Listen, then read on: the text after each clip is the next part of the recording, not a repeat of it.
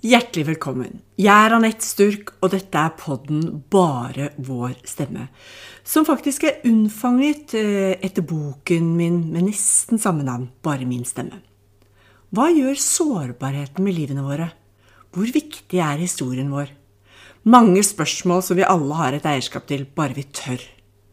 Temaene blir mange, men den røde tråden vil alltid handle om vår tilnærming til våre utfordringer som vi alle har med oss. Jeg har med meg gjester som på hver sin måte har brukt den til å gjøre sin stemme gjeldende. Fordi det er viktig for hvordan livet skal se ut, men kanskje aller mest være en inspirasjon til at alt faktisk er mulig. Vise at vi står ansvarlig for eget liv og egne valg, uavhengig av hvilke kort som er blitt tildelt til dette korte livet vårt. Dette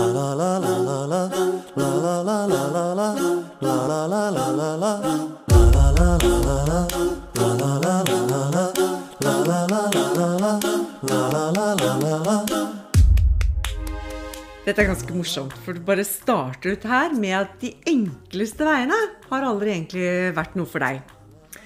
Du har hatt et sånn ekstremt higende etter å finne ut hva som befinner seg bak neste dør, og hva som drar deg rett og slett fremover. Om det er din litt annerledes start eh, som den eneste med utenlandsk bakgrunn, det var jeg nødt til å nevne, fordi at det setter sitt eh, preg på deg. Det vet jeg ikke, men eh, at det har gjort noe med ditt rettferdighetssøkende, det er jeg helt overbevist om. Den harde skolen, som man kanskje sier.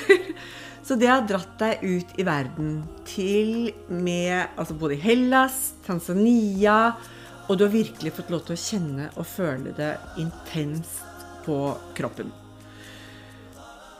Og du ønsker med dette, så ønsker du virkelig Hjertet ditt brenner for dette med å skape en forandring. Skape et nytt fortegn.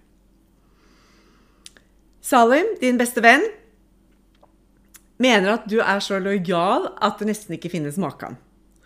Og til tider så er det så utrolig irriterende. For når du prøver å overbevise han om dine spirituelle teorier, og du vil veldig gjerne at han skal flytte seg, og han ikke skjønner bæret av hva du snakker om, så tenker jeg at vær så snill, gå til noen andre.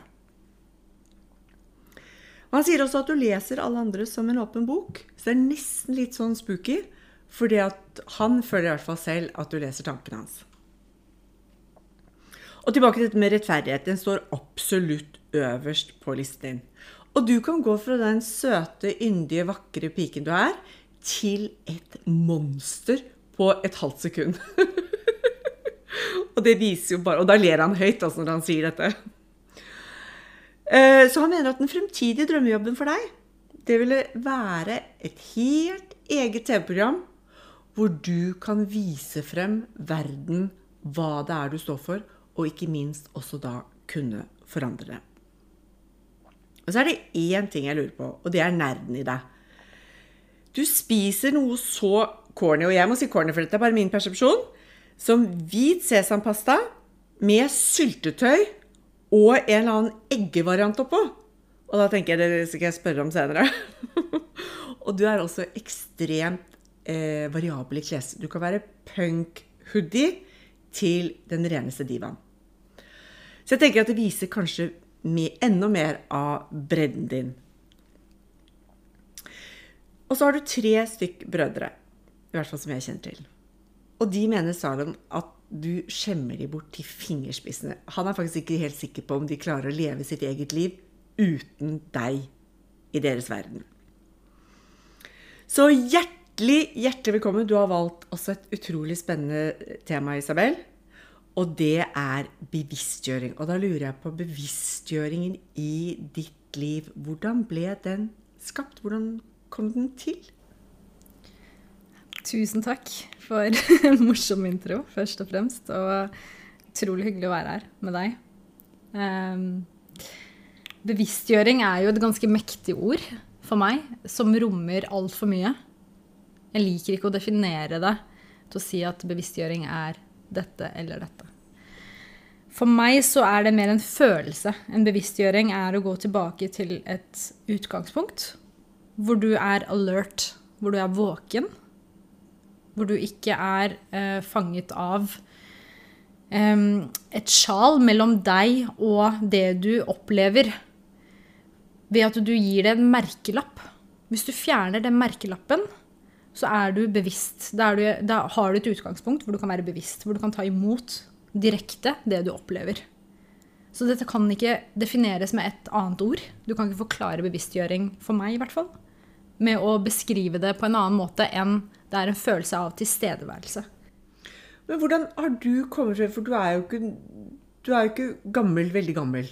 Hvordan har du klart å skaffe deg den erfaringen til at du er bevisst hva du selv gjør, uten at du endte opp i en eller annen boks for de rundt deg, og samfunnet gjør jo det ganske fort? Jeg tenker at tid eh, Det her kommer også til å få meg til å høres litt eh, ko-ko ut. Og det går helt fint. La meg være ko-ko. Tid er også en illusjon. Eh, du ønsker, altså det du fokuserer på, hva du bruker tid på å fokusere på. Og jeg fokuserer på det her litt hele tida. Hele tida. Uansett hvor jeg er. Om jeg, sitter, om jeg sitter på tog på vei til Høvik for å komme hit, så sitter jeg og grubler på hvor er jeg nå? Hvor er tankene mine? Hvor er kroppen min? Hvis du gjør det hele tida, så trenger du ikke å være 60 år gammel før du kommer fram til hva bevisstgjøring eller hva tilstedeværelse er for deg. Det er jeg helt enig i. Men et eller annet sted så har det startet, og jeg tenker på, har det vært en søkende på et eller annet? At du ikke ble, fikk nok mat? Og da mener jeg det som metaforisk. Altså, at, hvor, hvor, hvor fikk du det? Hvor? Det er i møte med um, når to verdener kolliderer. Uh, og du som menneske må overleve i denne kollisjonen ved å vite ok, først hva er dette, og hvem er jeg i forhold til dette? Og da kan jeg dra det tilbake igjen til barndommen ved å si at for meg som uh, den eneste på Kjelsås barneskole, som igjen er, eh, altså, som er Norges største barneskole, så det er veldig mange barn der. jeg var den eneste med utenlandske foreldre hadde to andre i klassen som, som, ikke var etnisk norske, men de hadde jo da norske foreldre og var adoptert. Så det er litt annerledes. Um, jeg hørte ikke hjemme noen steder. Jeg kom hjem og følte ikke helt tilhørighet med familien. Og jeg gikk ut på skolen og følte ikke noe tilhørighet der. Og hva er det man ønsker mest av alt? Mer enn mat, vann og tak over hodet? Det er tilhørighet. Det mener jeg. Uten tilhørighet så har man kanskje egentlig ikke lyst til å leve. En form for tilhørighet. Og da ble det veldig ble det veldig vanskelig for meg å ikke gjøre noe annet enn å analysere eh, og se hva betyr dette, og hvor passer jeg igjen, og hvordan kan jeg tilpasse meg for å få denne følelsen av tilhørighet. Så den bevisstgjøringen var en overlevelsesmekanisme for meg. Å være bevisst på hvem er jeg i forhold til det, dette, og hvem er jeg i forhold til det som blir sagt, og eh, hvem er jeg i forhold til det å være annerledes. Og ikke godta seg selv. Um, og føle på at andre setter merkelapper på deg som du ikke er enig i. Hvordan skal du forholde deg til det? Og hvordan skal du overleve? Og hvordan skal du bli glad i deg selv? Så du ble egentlig på mange måter din egen beste venn? Jeg var min verste fiende. Lenge, lenge, lenge. Og hvordan utspant det seg? Min verste fiende ble, ble, er min største læremester i dag. Så uten å vite det da, så var jeg allerede min egen lærer ved å ikke være fornøyd med hvem jeg var. Hva gikk du på? Hva var du ikke var fornøyd med deg selv? Jeg var ikke fornøyd med at jeg hadde et rart navn. Jeg spilte håndball. Eh, og det at dommerne skulle rope opp eh, alle som var på laget, var alltid, ga meg alltid mageknipe. Fordi navnet mitt ble sagt på en rar måte. Eh, som gjorde at jeg følte på skam. annerledeshet. Jeg har mørke hår, så når jeg gikk i shorts og hadde mørke hår, dunhår på beina, så var det også en annerledeshet. Fordi jeg, jeg, ble kalt for apekatt eller et eller annet. For jeg hadde jo ikke det lyse, blonde håret som ikke synes eh, når du har på deg shorts. Um, så alt fra det til eh, Og jeg gikk i syvende klasse når 9-11 skjedde. Og det å plutselig bli stemplet som terrorist var ikke enkelt. Ingen ville sitte ved siden av meg på bussen fordi jeg skulle sprenge meg selv. Eh, det var eh, en samling hvor vi satt og ga hverandre julegave. Rett før juleferien, og da var det hemmelig venn. Og man skulle trekke lapp, og den du trakk, den skal du gi gave til. Sitter vi 30 stykker i klassen, og jeg får skjelett barberhøvel i gave, og jeg synker ned i bakken, og alle ler. Og der, de episodene der gjorde jo at jeg hadde jo ingen å gå til, for det var jo ingen andre som var som meg. Eh, og jeg måtte overleve i denne skammen, eller denne Ikke skammen, men denne smertefulle opplevelsen av at jeg er ikke god nok. Eh, foreldrene mine gjorde det beste de kunne, men de var jo også i en prosess med integrering. Gå på skole, lære seg språket, få seg jobb. Eh, så jeg ble dessverre ikke en Det at de så ikke hva jeg gikk gjennom, fordi de var opptatt med sin egen prosess. Så det endte jo med at jeg var veldig isolert. Jeg var veldig mye for meg selv. Men den nysgjerrigheten og søken om hvordan kan jeg gjøre meg selv forstått, var veldig viktig for meg. Og da var det veldig, også veldig viktig for meg å forstå de andre for å kunne skape en bro. Um, og alt det her skjønner jeg jo i dag, men jeg skjønte det ikke da. Når jeg gjorde det, så var det jo en, jeg gjorde det jo veldig aktivt, men jeg visste ikke hva det var jeg gjorde. Uh, å finne en fellesnevner, finne common ground, hvor du og jeg kan se hverandre utenfor disse merkevarene. Utenfor at jeg ser annerledes ut, jeg har et rart navn, jeg har mørke hår. Eh, kan du se vekk fra det, og se hvem jeg egentlig er? Og for det så måtte jo jeg også prøve å se hvem de egentlig var. Um, så det, det er nok eh, det som var utgangspunktet mitt for hvorfor tilstedeværelse og bevisstgjøring er så viktig for meg i dag.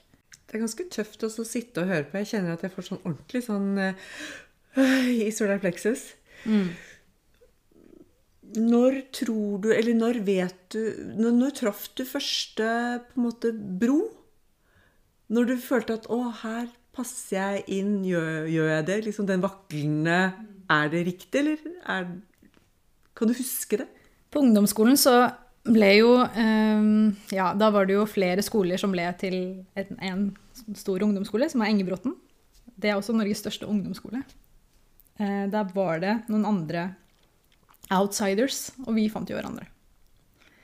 Så jeg var jo mobbeofferet på Skjelsås, og så fant jeg mobbe- mobbeofferet på Disen og, så, ikke sant? og Årvoll osv. Og, så og når du slår de sammen Vi fant hverandre.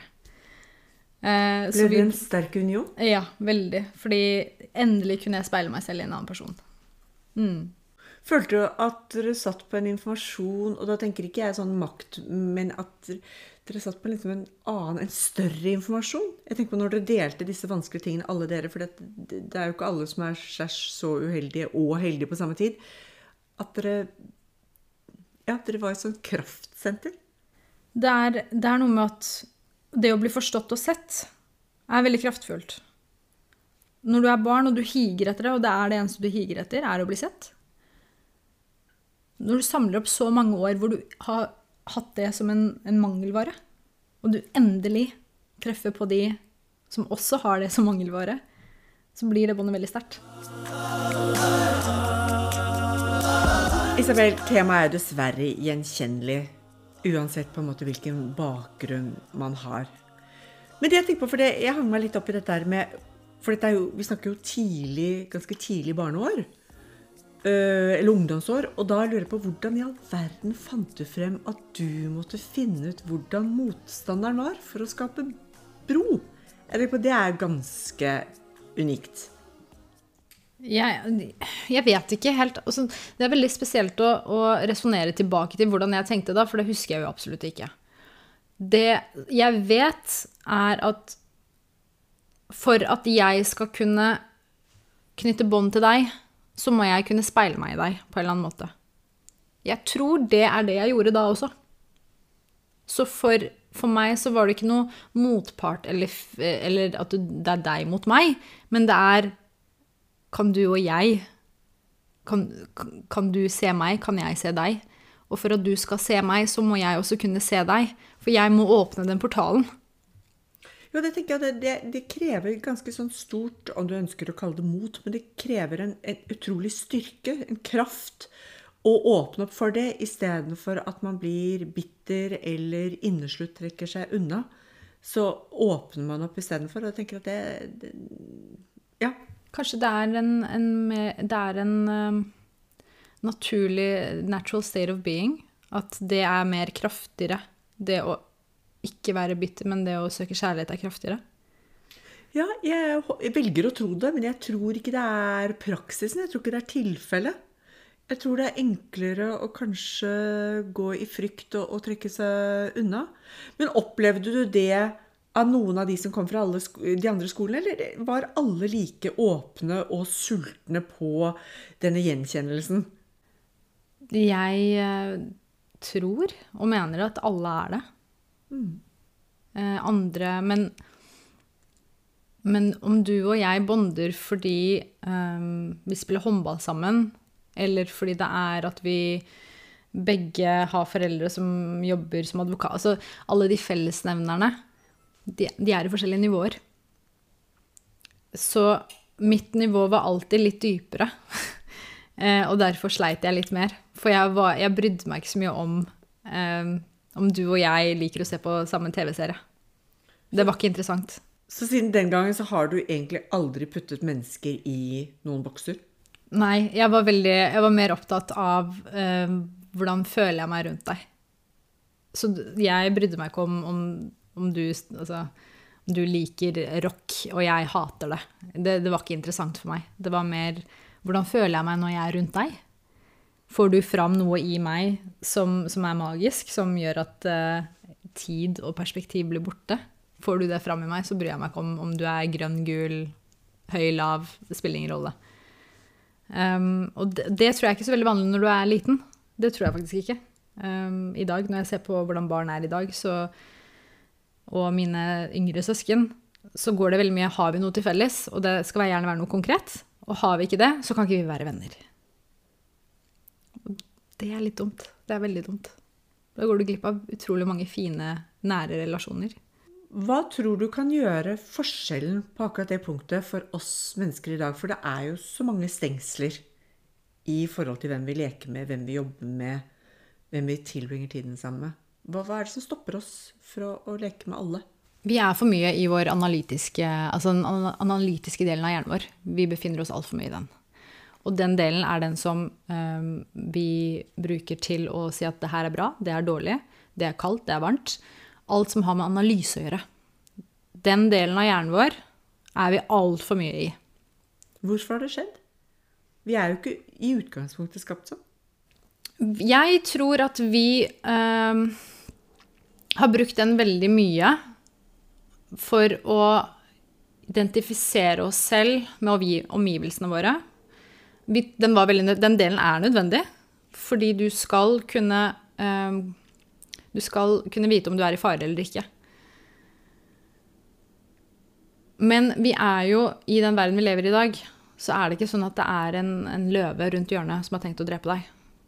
Så hvorfor er vi igjen i den delen av hjernen vår? Hvorfor har vi behov for å se at ok, du, um, du har på deg de klærne som gjør at du har det statuset, som gjør at jeg har lyst til å bli kjent med deg. Hvorfor vi har behov for å være der. Altså, vi har havnet et sted hvor vi bruker ikke hodet vårt, vi blir brukt av hodet vårt.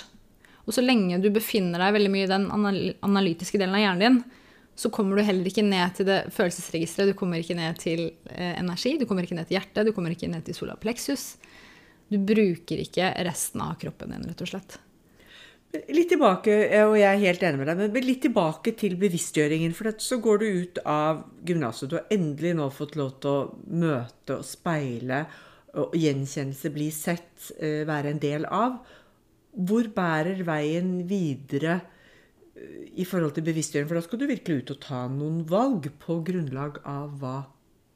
Det tar tid, ikke sant. Jeg ble ferdig med VGS og jobbet noen år. Jeg visste ikke hva jeg hadde lyst til å drive med. Ehm, frem til jeg skjønte at ok, men hva er det jeg er god på? Hva er det jeg trives med? Hva er det som gjør meg glad? Det var hva kan jeg gjøre som jeg liker, som også er godt for andre?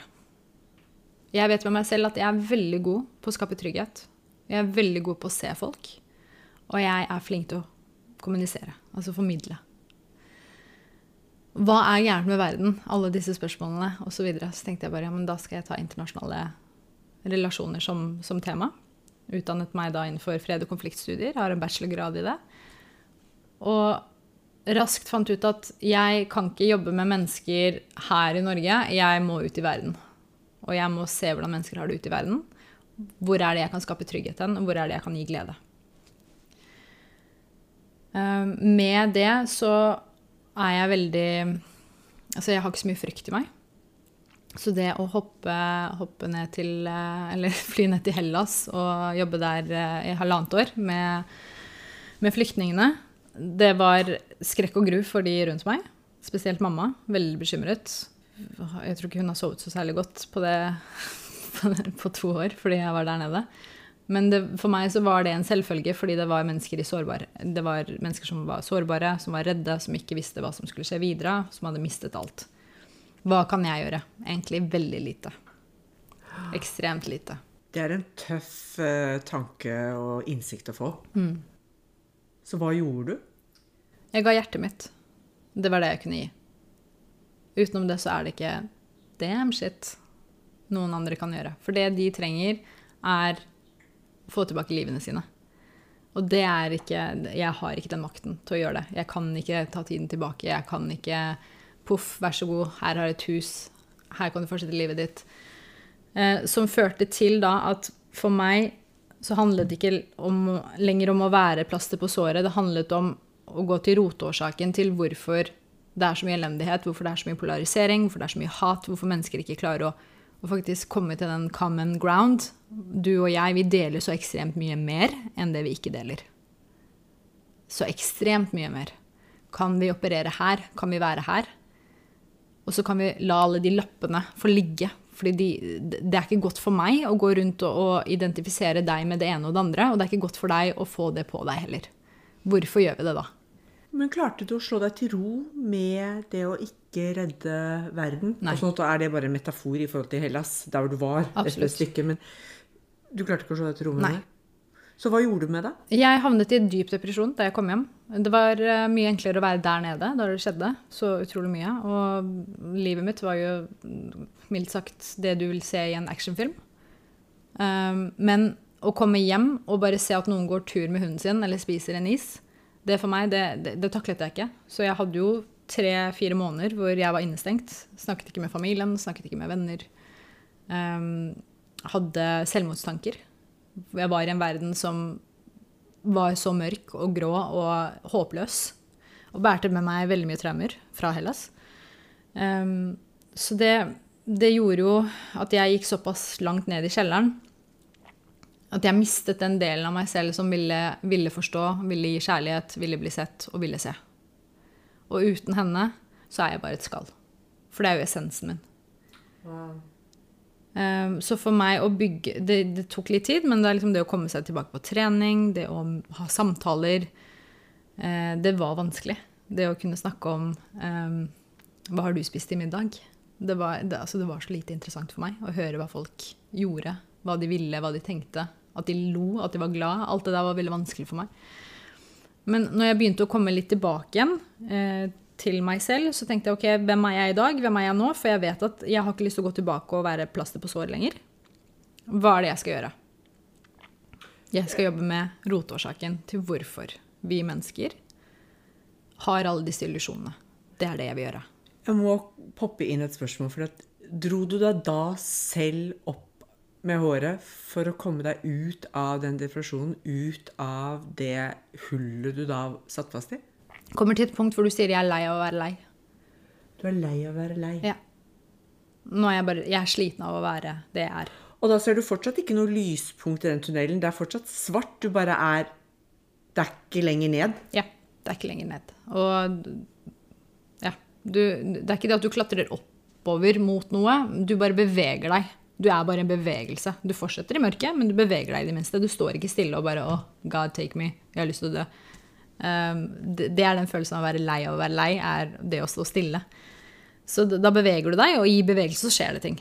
Heldigvis. Og det, det trenger ikke å være at du selv som har uh, tatt grep eller tak, men det skjer ting. Um, så det jeg beveget meg i da, var ok, um, utgangspunkt, polarisering, hat. Hvorfor oppstår det? Hva er alle disse misforståelsene? Hva er alle disse illusjonene? Hvorfor er det så mye frykt? Hvorfor skal jeg være redd for deg? Du er jo ikke farlig for meg i det hele tatt, men hvorfor har jeg fått for meg at jeg skal hate deg fordi du ser sånn og sånn ut, eller fordi du har den trosretningen og ikke deler det jeg deler? Um, så det var, det var, mitt nye mål, og det er, det er fortsatt mitt mål. Det korte livet jeg lever, det er det jeg har å tilby. Det er formidling. Det er å gi av meg selv, men det er også å snakke om det. Viktigheten av at du og jeg deler så utrolig mye mer. Så tankene om, Arrester meg hvis jeg sier det feil nå.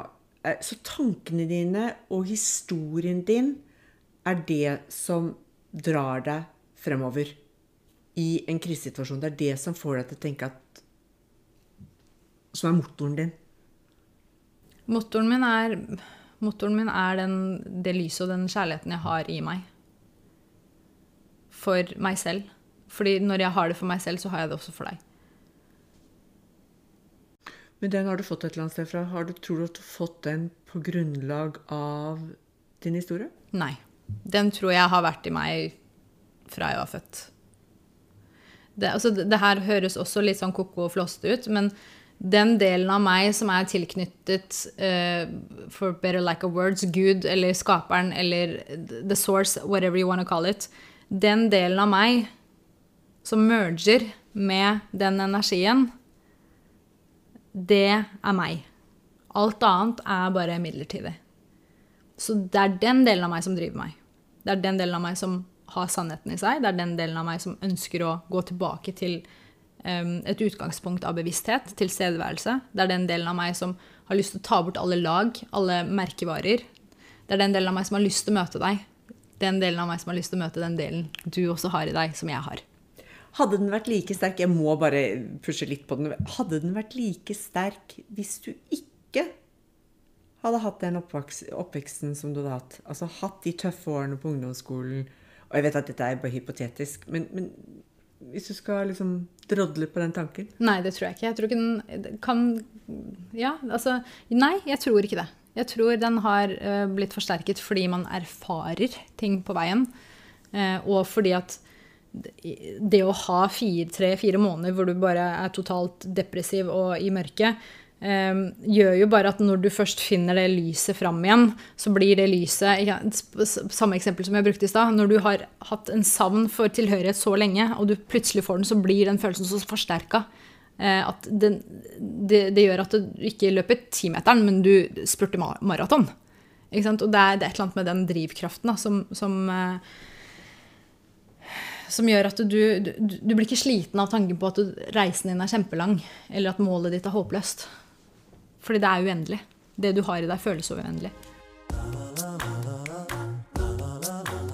Det er veldig spennende, og jeg håper lytteren sitter med det samme. Så er det den derre hele tiden Jeg går inn i gjenkjennelsen hele tiden når du prater, og det er sterkt. Jeg, jeg er veldig rørt. Men du klarer tilbake til deg. Du klarer å klatre deg opp komme ut, begynne å se konturene av både lys og noe som er ditt, og som du kan eie for fremtiden. Hvor går veien videre?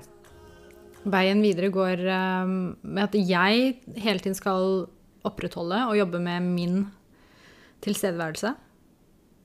Så det jeg deler, det du opplever når du er rundt meg, det skal gi en ringeffekt.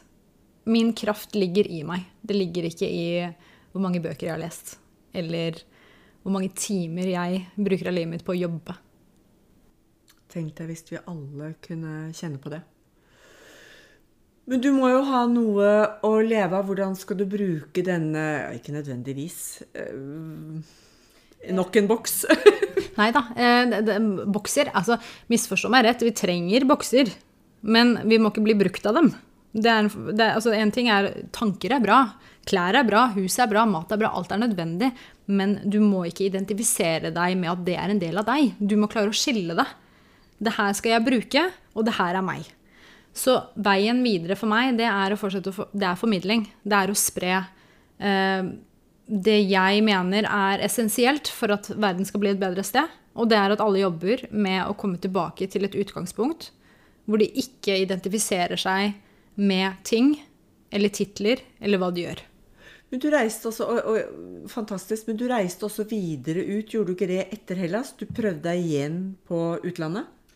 Eh, ikke utlandet. Da var jeg i Norge. Jeg ble igjen i Norge, og da var det sosialentreprenørskap som jeg drev med i to år. Eh, vært med på å bygge egne og hjulpet andre på sin vei. Eh, så det å støtte mennesker med, med forretningsutvikling, eh, med hvordan presentere, idémyldring osv., det er jeg også veldig god på. Jeg er veldig flink til å støtte folk, jeg er veldig flink til å løfte folk og se styrkene deres. Det er en gave jeg har, som jeg må bruke. Fantastisk. Gjorde du det samme, for du reiste også ut til Tanzania? Du var i Tanzania. I Tanzania og i Sør-Afrika. Var du like bevisste? Det mm, Nei. Hvilke styrker så du da som du tenkte at du kunne på en måte bidra med? Det, det er jo litt spesielt, for det de er veldig gode på i Tanzania, er vi litt mindre gode på her i Norge, og vice versa. Um, så i Tanzania så var det jo å jobbe med barn, eh, og gjerne utdanning innenfor det når du har barn som har Downs syndrom, som, som ikke er en mm, veldig fin prosess der nede. Der ser de litt mer overtroisk på det, at det er noen onde ånder som har possessed det barnet. Eh, Så det å gi dem den kunst, eller være med på å bidra til at de forstår at det, det handler ikke om onde ånder og overtro. Eh, Men der nede igjen så er de mye mer i kroppen sin enn det vi er. Der er det mye mer det menneskelige aspektet seg imellom som er helt på et annet nivå enn det vi har her hjemme i Norge. Så det er man må kunne veksle litt på hva som er godt, eller hva som har eh, forbedringspotensial, og hva vi har å lære også. Så bevisstgjøring på kropp, å være mer i kroppen, den tok du med deg hjem som en videreutvikling til å jobbe En ren bekreftelse. Det, det å oppleve det og erfare det, det bare bekreftet enda mer i meg at det er den veien vi må gå videre hvis vi skal eh, kunne ha det bedre her på jorda. Hva er drømmen din for bevisstgjøring for oss andre? Lytteren, for meg som sitter her og er stum. Jeg ser at en gang i tid så har jeg, jobber jeg som journalist i BBC, eller har en dokumentarserie i BBC, hvor, eh, hvor jeg tar opp disse temaene her og sprer det. Og er med på å spre det. Det er mange som gjør det allerede, og det er helt fantastisk. Vi må bare fortsette med det, rett og slett. Hvordan kan jeg bli mer bevisst i hverdagen min? Meditasjon er en veldig fin måte å bli bevisst på. Eller bare det at du går ut av den analytiske delen av hjernen din. Bare at du går ut av den, så kommer du mer i kontakt med kroppen din. Ikke tenke altså denne styggen på ryggen som hele tiden Yes. prater. Prøve å skru den av. Hvordan er det du havner der? Alle har sine måter. For meg er det meditasjon. For meg er det å eh, f.eks. ta oppvasken. Da havner jeg i en sånn medita meditativ state of mind hvor, hvor jeg bare føler vannet og hud og um, Oppussing er fantastisk. Det å pusse opp et hjem uh, gjør noe med deg. Man må prioritere, uh, og jeg syns at det er viktig så lenge du prioriterer uansett hvordan du gjør det, men du må prioritere en tid hver eneste dag For deg selv. for deg selv. Du må fylle din egen kopp før du kan fylle andres. Så gå tur. Hva, hva som helst. Hva som Hva som helst. Men den er, det er det viktigste du gjør i løpet av dagen. Og så det å ikke tenke så mye fortid og fremtid. Øv deg på å være til stede. Øv deg på at dette øyeblikket er det eneste som, det er det eneste som gjelder. Det det, alt annet er en illusjon. Og det, mange spirituelle lærere og teachers and masters har sagt det her i all, alle år. Eh, men vi må begynne å praktisere det. Du må, bli, du må bli venn med nåtiden. Nåtiden er det viktigste. Det er ikke noe annet som gjelder. Fantastisk, Isabelle. Jeg skal i hvert fall ta det med meg, med meg, med meg på alle plan. Eh, Og takk for innblikk i reisen din. Den gir mye, mye mer enn eh, det du aner. Så tusen, tusen takk. Takk for samtalen. Jeg setter pris på det.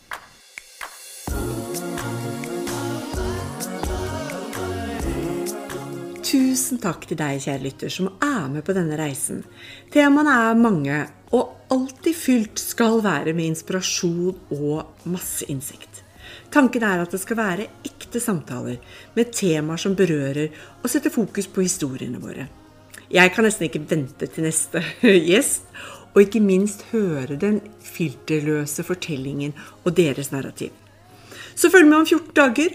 Og hvis du ønsker mer info og inspirasjon, så går du inn på Instagram-kontoen med samme navn, bare vår stemme. Så ses vi veldig, veldig snart. Tusen takk.